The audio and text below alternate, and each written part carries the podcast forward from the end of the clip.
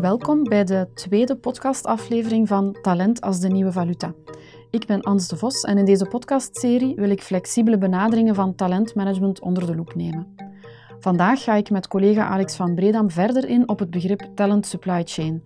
En dan met name hoe je talentvoorspellingen kunt gaan doen en hoe je om kan gaan met de risico's die een um, onzekere arbeidsmarkt toch wel met zich meebrengt. Wij interviewden managementtanker Pieter Capelli al eerder over dit uh, onderwerp. production side. I think on the, on the starting process is the it's it's not the day-to-day issues it is the planning issues right the the thinking further out issues and the decisions about you know how many people do we think we are going to need do we try to grow them from internally do we try to hire from the outside um, and there are some jobs that are very difficult to grow from within. And one of the reasons why they might be difficult is because we can't be sure what we're going to need. You know, there's a reason why so much IT work is outsourced, and that is because IT changes quite frequently. If I am an employer, my business is not IT, but I need some IT people. My ability to grow them from within is not great my ability to anticipate what I'm going to need is not great. So the the chance that I would make a mistake is pretty big, a lot of risk. So when you hire from the outside, you reduce the risk that you'll make a big mistake. You pay a premium to avoid the risk. That is, you have to pay the market wage and often the top of the market wage to get people to come work for you. If you can grow people from within, frankly, you get them cheaper. Uh, the problem is you're taking a risk, and the risk is what if I don't need them? Uh, what if I develop them for skills and it turns out we need something different in a few years? That's the risk. Or what if I grow them and they leave? So you're taking a risk when you grow from within. You're eliminating the risk when you hire from the outside. So you pay a premium. So it is a risk management exercise here too. And the solutions depend almost, you know, job by job, situation by situation. Do we make? Do we buy? How much of each do we do?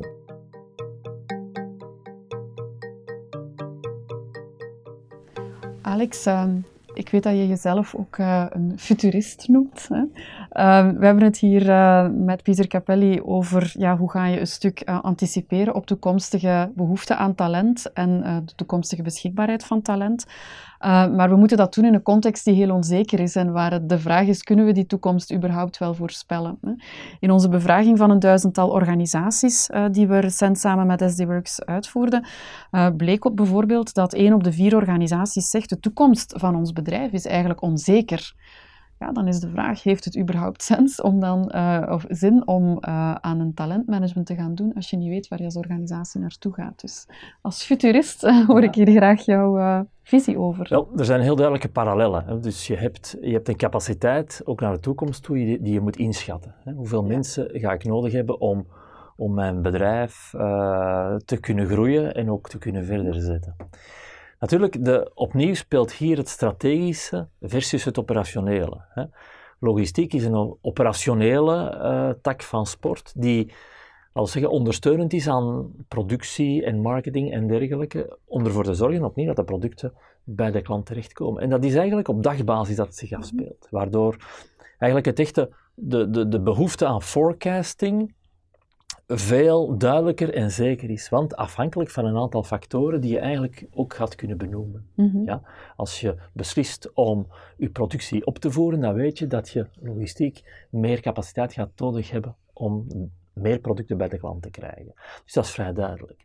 Nu, dat parallel geldt ook voor de andere functies, maar je zit daar met één probleem, dat je over veel langere tijd moet gaan voorspellen. En men weet, of iedereen begrijpt, dat het risico alleen maar toeneemt. De, de, kwaliteit van je voorspelling daalt, zich drogen met de tijdsperiode dat je vooruit moet voorspellen.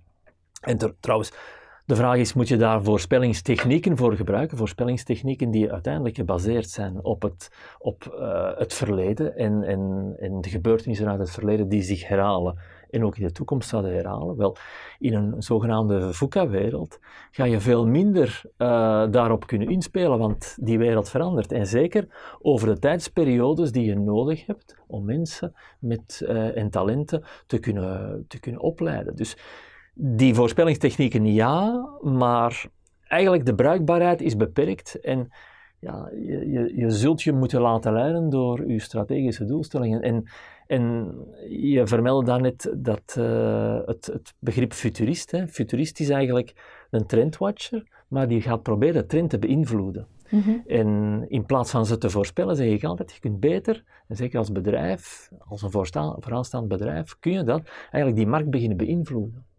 En door ze te beïnvloeden, ga je ook weten welke richting dat uitgaat. En op die manier kun je veel sterker natuurlijk je talentpool gaan, gaan, gaan veroorzaken.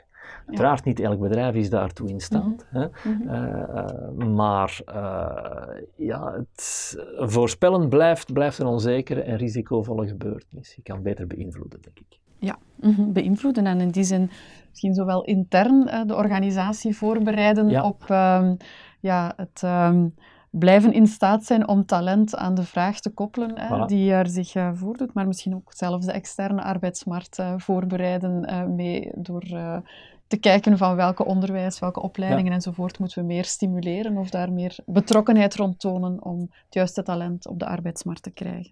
Ja, en ik denk bovendien, een bedrijf groeit omwille van de juiste mensen ja. die de markt creëren. Hè, of, of openmaken, ja. meer verkopen doen. Dus je zit met een verhaal dat je eigenlijk voor een stuk zelf kunt controleren. Mm -hmm.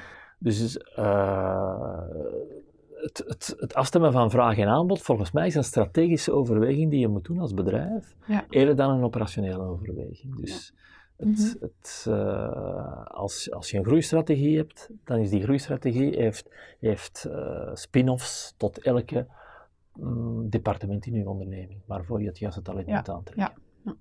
Nu, ik hoor u dit graag zeggen. Ik denk dat we dat ook um, ja, dat we dat wel regelmatig horen terugkomen, maar het contrasteert wel wat met de praktijk die we in organisaties zien. Hè. Um, in ons onderzoek bij werkgevers rond hoe zij omgaan met, met talent, zien we wel dat enerzijds um, organisaties aangeven dat er zowel een tekort um, in capaciteit wordt geanticipeerd om intern hè, de behoefte aan talent in te vullen. 1 op 3 hè, verwacht die capaciteitsproblemen. Ook 1 op 3 organisaties verwacht um, meer competentieproblemen. Niet alleen hebben we genoeg mensen, maar ook mensen ja. met de juiste skills. Um, nu, als je wil voorbereiden op de toekomst en een strategische rol spelen, dan is het wellicht belangrijk dat je um, als HR ook betrokken bent bij het juist omgaan met die risico's niet alleen van mensen te ontwikkelen intern, en zoals Capelli zegt, stel je investeert in opleiding en ze gaan weg, um, maar dat je ook betrokken bent bij de risico's die er samenhangen met meer extern talent aan te trekken. Wat opvalt in ons onderzoek is dat um, in um, 70% van de organisaties men zegt, wanneer wij tijdelijke medewerkers inschakelen, dan gebeurt die beslissing door ofwel de leidinggevende, door een managementteam of de director die, van die betrokken business unit, of door de, um, de, de, de, directie. En slechts um, in een minderheid van de gevallen is HR hierbij betrokken. Mm -hmm. Dus je krijgt eigenlijk een stuk een uitsplitsing van een beleid dat zich richt op het ontwikkelen van intern talent. Um, en anderzijds een beleid dat zich, als er een beleid al rond is, hè, ja. een policy of een, een manier van doen hè, omtrent extern talent inschakelen, waarin uh, slechts 30% van de gevallen HR actief bij betrokken is. Dus ik denk dat er hier dan toch nog wel een, een beetje een ja. gap is met hetgeen dat je net aanhaalt en hoe dat de praktijk in heel wat bedrijven uh, zich afspeelt. Zeer zeker. En ik denk, ik zou er graag wel even op willen inspelen, in de zin dat heel dikwijls wordt de strategie bepaald uh, op niveau van het leadership team. Mm -hmm. Dat zijpelt de organisatie door. Maar heel dikwijls geraakt het zelfs niet tot in, in de supply chain afdeling, want die moeten maar zorgen dat het in orde komt. Dus die krijgen nieuwe forecast, maar die krijgen geen visie. Mm-hmm. Er is, en, en dan kom ik graag terug op, ook op je eerste opmerking dat er, hè, men vindt niet voldoende talent. ik stel wel vast dat een aantal bedrijven die met een zeer sterke visie komen, Mhm. dat die toch heel wat mensen naar zich toe kunnen trekken. Ja. En, en daar vind ik het een klein beetje on- ontbreken bij vele bedrijven aan een visie over niet enkel hoe, de toekomst eruit ziet, maar Mhm. hoe zij zichzelf in de markt zetten. En dat zijn dikwijls bedrijven die volgers zijn, die niet de, de sturende Mhm. eh, bedrijven zijn in de markt.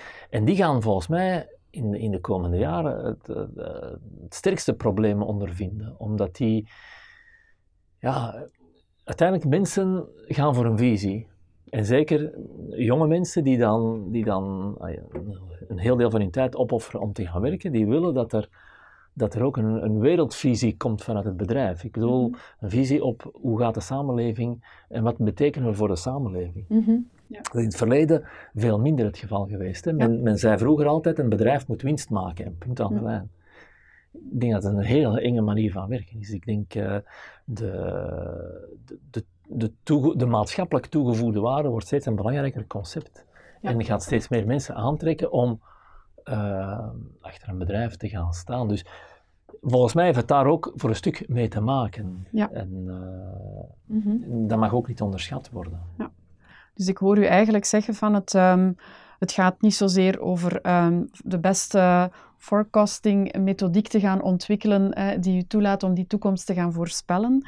Uh, voorspellen is uiteindelijk toch een stukje gokken op hoe de toekomst ja. eruit zal zien, maar dat het veel meer gaat om een, om een visie ontwikkelen die u helpt om voor te bereiden op de toekomst als organisatie, maar die dan zowel voor externe als voor interne medewerkers ook wel richtinggevend kan zijn om een keuze voor een organisatie te maken, maar ook misschien wel om zichzelf voor te bereiden op hoe kan ik in deze organisatie aan de slag blijven als ik zie hoe de organisatie evolueert, uh, welke jobs meer of minder belangrijk worden en hoe kan ik hierin mijn, mijn plekje een stuk. Uh, ja, ik denk het wel. Ja. Die visie gaat, gaat sturend zijn om de markt te doen, te doen beïnvloeden. Dus hoe ga je eigenlijk die markt sturen vanuit jouw strategie die je voorop stelt? Ja. En dan hangt automatisch ook je capaciteit eraan. Wat is volgens u het grootste risico dat eraan verbonden is als je als organisatie zegt van um, we gaan um, meer inzetten op um, extern talent? Ik denk dat ook uh, Pieter Capelli erop uh, inspeelt. Hè. Als je extern talent aanwerft, dat is heel flexibel, dat gaat ja. snel. Maar je gaat nooit de, de, de kennis en de visie die je probeert uh, waar te maken, kun je, heel, veel moeilijker aan iemand die tijdelijk is, uh, hem daar laten door inspireren. Hè. Je kan dat alleen met je, of tenminste, zo zien wij toch, mensen die, die langdurig in je bedrijf zitten, geraken daardoor geïnspireerd en kunnen, kunnen in, in, in een visie werken. Waardoor eigenlijk je enkel die jobs gaat kunnen kunnen extern invullen die aanvullend zijn, maar nooit geen key jobs kunnen zijn. Mm-hmm. Dankjewel, uh, Alex, voor, uh, voor je input. We hebben het nu in deze podcast uh, ook sterk gehad over het totaalplaatje. Hoe ga je ook naar die externe context kijken om talent te gaan aantrekken, tijdelijk of op langere termijn? En de risico's die eraan verbonden zijn. Het feit dat er veel onvoorspelbaarheid is in onze wereld in het algemeen, maar ja. zeker ook als het over talenten gaat. Um, dank u voor uw expertise en uw inbreng hierin.